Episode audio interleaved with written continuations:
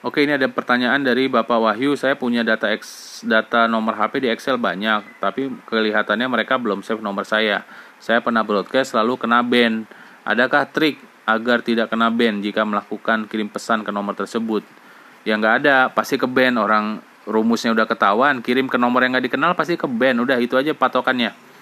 Jangan sekali-sekali ngirim ke nomor yang tidak dikenal atau nomor yang belum pernah japri nomor kita atau nomor yang belum pernah interaksi dengan nomor kita atau nomor yang belum pernah saling save nomor kita.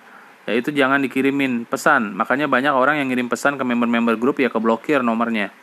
Ya triknya gimana? Ya triknya ajak interaksi.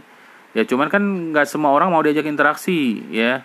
Jadi mau nggak mau ya percuma juga punya nomor banyak seperti itu kecuali trik selanjutnya adalah kita ngirimnya bukan pakai nomor WA asli. Ya gunakan aja nomor WA clone ke mereka. Itu yang banyak dipakai oleh uh, spammer biasanya. Dia pakai uh, dia buat beberapa WA untuk ngirim ke nomor-nomor database seperti itu. Tapi emang nomor WA-nya udah disiapin untuk pasukan berani mati.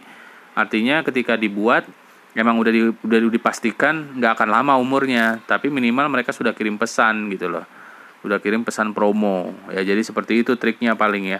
Kalau nggak ya ikutkan aja program Sinwa ya kalau Sinwa kan eh, tapi kan nggak bisa juga ya karena databasenya bapak nggak kenal orangnya kan. Tapi kalau Sinwa kan harus yang kita ajak orangnya udah interaksi biasanya. Ya jadi seperti itu pak. Jadi database seperti itu ya mau nggak mau harus pakai WA clone. Nah WA clone ya harus buat dulu yang banyak baru bisa kirim ke nomor-nomor seperti itu ya triknya paling itu aja pak. Nggak ada cara lain. Karena kalau kirim pakai WA biasa kita pasti keblokir